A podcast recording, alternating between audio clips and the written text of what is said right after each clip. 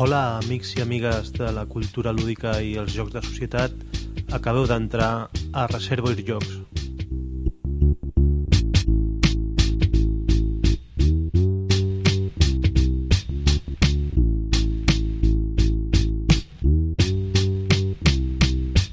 Molt bé, començarem a poc a poc i amb bona lletra.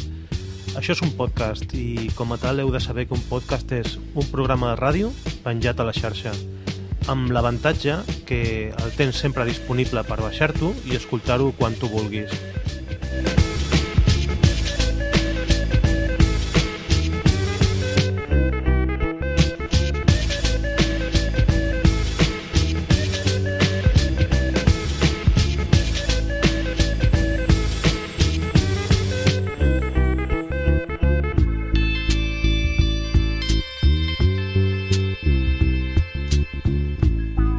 Presento, jo sóc el Miquel Jornet, sóc tècnic superior en animació sociocultural i estudiant del grau d'Educació Social a la UOC. Actualment treballo a l'Ajuntament de Sant Andreu de la Barca, al Departament de Cultura com a tècnic auxiliar i el meu historial en, en jocs de taula, en cultura lúdica, es remunta fa més de 5 anys quan vaig descobrir el joc Carcassonne del Klaus Jürgen Brede, el que encara jugo actualment.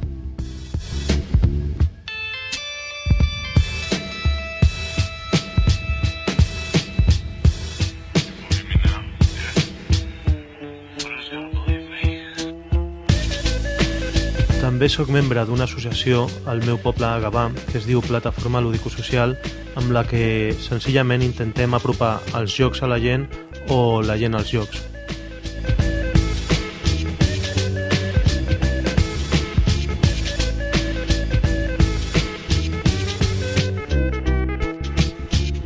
Soc coneixedor d'altres iniciatives en format podcast que estan funcionant molt bé a la resta de l'Estat, com per exemple els pioners Vis Lúdica amb el Javier Calvo i el David Arribas, Cabutor amb el seu podcast El Tablero, amb aportacions de gran valor des de Colòmbia del Havoc, els companys de Radio Mai Zaragoza amb Ojo al Dado, o també Vasco i Fran F. Garea amb La voz de su juego.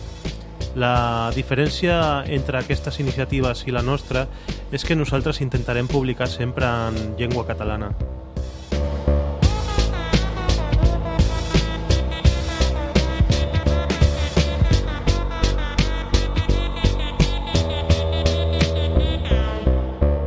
Per què penso que és important que a Catalunya podem tenir un podcast temàtic de jocs de taula en català?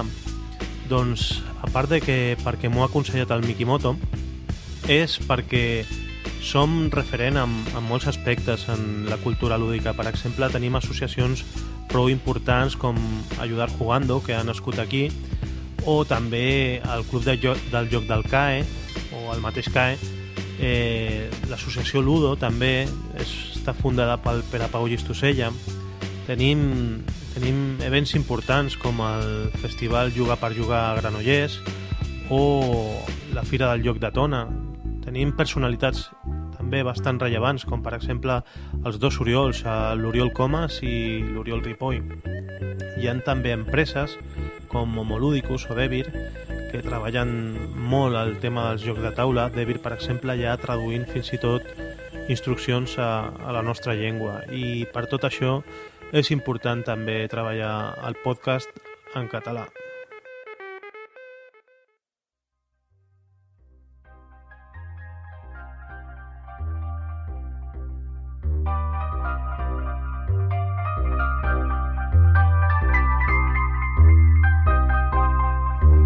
La gran notícia, la malaurada notícia, diria jo, ha estat la mort de l'Steve Jobs.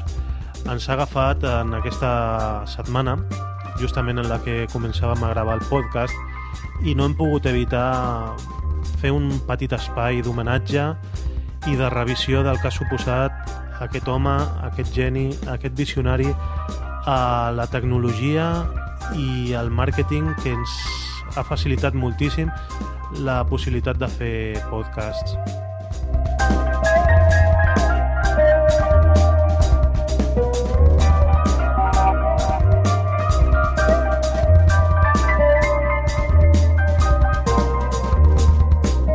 Nosaltres, sense anar més lluny, per desenvolupar aquest humil podcast, estem utilitzant un software que es diu GarageBand, estem també fent ús d'un ordinador que es diu iMac i per fer les proves finals, comprovar que tot ha sortit bé, que s'escolta i tal, estem també emprant un reproductor de MP3 que es diu iPod. A part de tot això, una de les xarxes on pengem el podcast perquè estigui accessible a tothom es diu iTunes. Tota aquesta tecnologia és d'Apple, tota aquesta tecnologia, si fa no fa, alguna vegada va estar imaginada per l'Steve Jobs. Què suposa tot això? Pues és la facilitat, la democratització, l'economia de, de poder fer un petit programa de ràdio a qualsevol raconet del món i distribuir-ho i que arribi a qualsevol altre raconet del món i que ens escoltin a Islàndia, a Xina, a Ruanda o allà on sempre tinguin un accés a internet, que és eh, la xarxa que tot ho pot i la xarxa que ens apropa.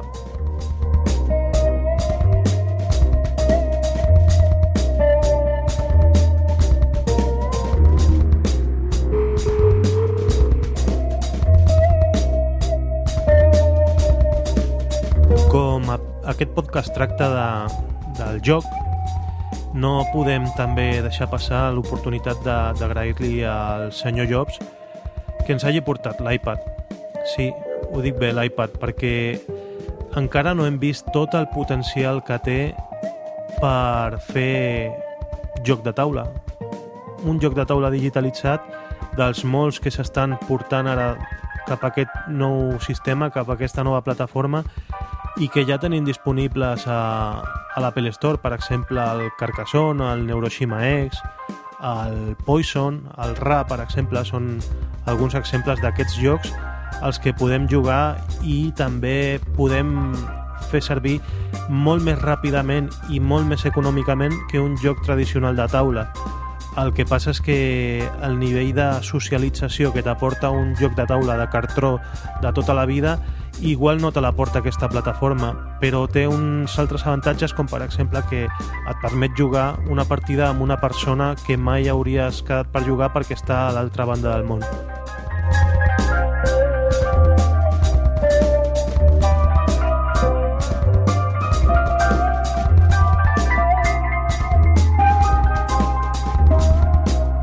Tot això, i segurament per moltes més coses que ara mateix no veig o ara mateix no recordo, només vull donar-te les gràcies, Steve, i també compartir amb tu, allà on estiguis, un desig. Un desig de que algun altre savi, un altre visionari, un altre geni dels que conviuen ara mateix amb nosaltres, desenvolupi solucions, com les solucions que tu has desenvolupat però en un altre camp, en el camp de la medicina, i que per fi s'erradiqui aquesta malaltia que tan mal ens està fent a les persones directa o indirectament que es diu càncer.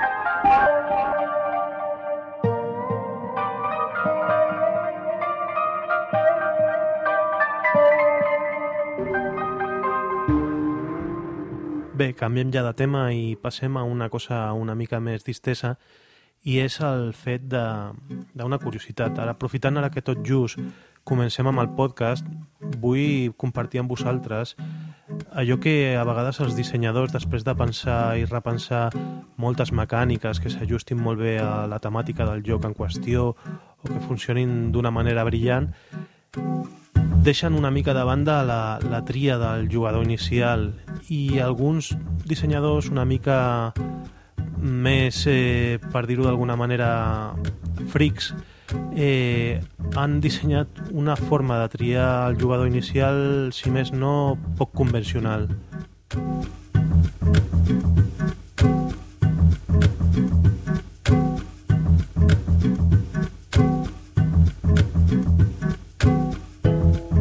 Començo la tria de, dels jocs curiosos en la manera de triar el jugador inicial amb aquells que es fixen amb, amb la posició geogràfica, la situació de, dels jugadors. i per exemple trobem l'Oltremare de l'Emanuele Ornella que ens diu que ha de començar aquell jugador que, que visqui més a prop de Venècia un altre lloc que es fixa en, en la proximitat d'allà on, on visquem nosaltres és el Boomerang del Michel Allé i el Dominique Herard que ens diuen que haurà de començar aquell jugador que visqui més a prop d'Austràlia també tenim el lloc de Los Pilares de la Tierra, de la famosa novel·la, que està dissenyat pel Michael Reineck i l'Stefan Stadler, que ens eh, suggereixen que comenci aquell jugador que hagi estat l'últim en estar dins d'una catedral. Curiós, també. També tenim un joc del Dirgen que es diu Atlantic Star que ens recomana que ha de començar l'últim jugador que hagi estat a sobre d'un vaixell. El mític Aventureros al tren ens recomana que comenci aquell jugador que tingui més experiència viatgera, el que conegui molts més països que els altres. Lògic, és un joc de viatges.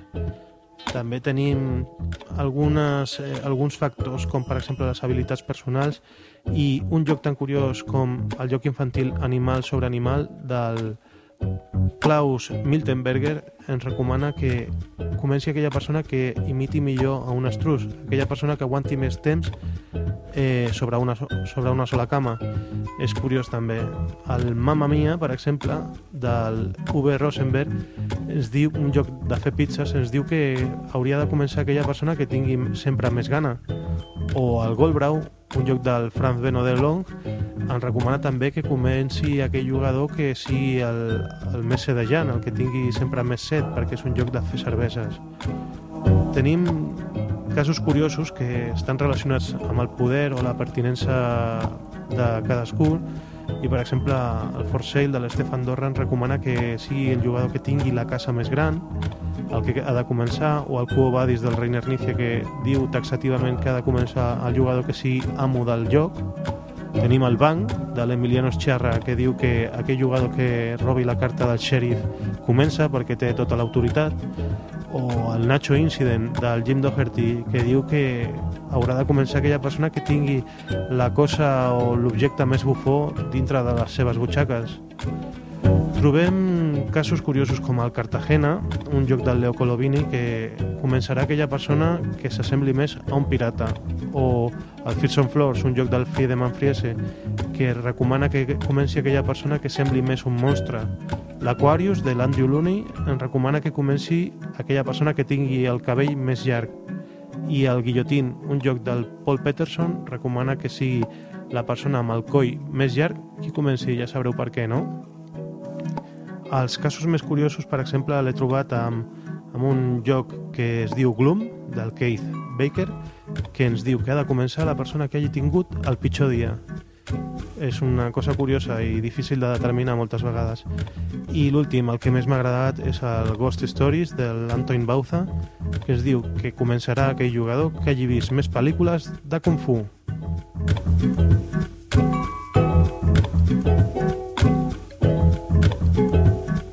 Com veieu, hi ha moltíssimes curiositats respecte a la manera de triar el jugador inicial de, de molts jocs. Podríem fer una segona part d'aquesta secció, si voleu, en properes edicions del podcast. Eh, res més, només acomiadar-nos i esperant que us hagi agradat el que heu escoltat o que com a mínim us hagi resultat curiós i recomanar-vos que ens visiteu a la nostra pàgina web www.reservoirjocs.cat També tenim una, un compte de Twitter on ens podeu també seguir, som Reservoirjocs, tot junt, i si entreu a la nostra plana web, pues, sobretot ens, us agrairíem que cliquéssiu a les icones que hi ha dalt, les, les icones de suport, que són la de Minus, la de Tumblr i la de Twitter eh, sobretot la de Minus, perquè si, us, si enllaceu a Minus per, per aquest botó que hem, que hem posat a la pàgina web i us feu un compte, ens estareu regalant un giga d'espai més a la xarxa i un giga per un podcast és moltíssim i us ho agrairíem eternament perquè és la manera més fàcil de donar-nos suport. No demanem diners, només demanem un clic i que us registreu. Vosaltres sortiu guanyant i nosaltres també. Moltes gràcies i fins la propera.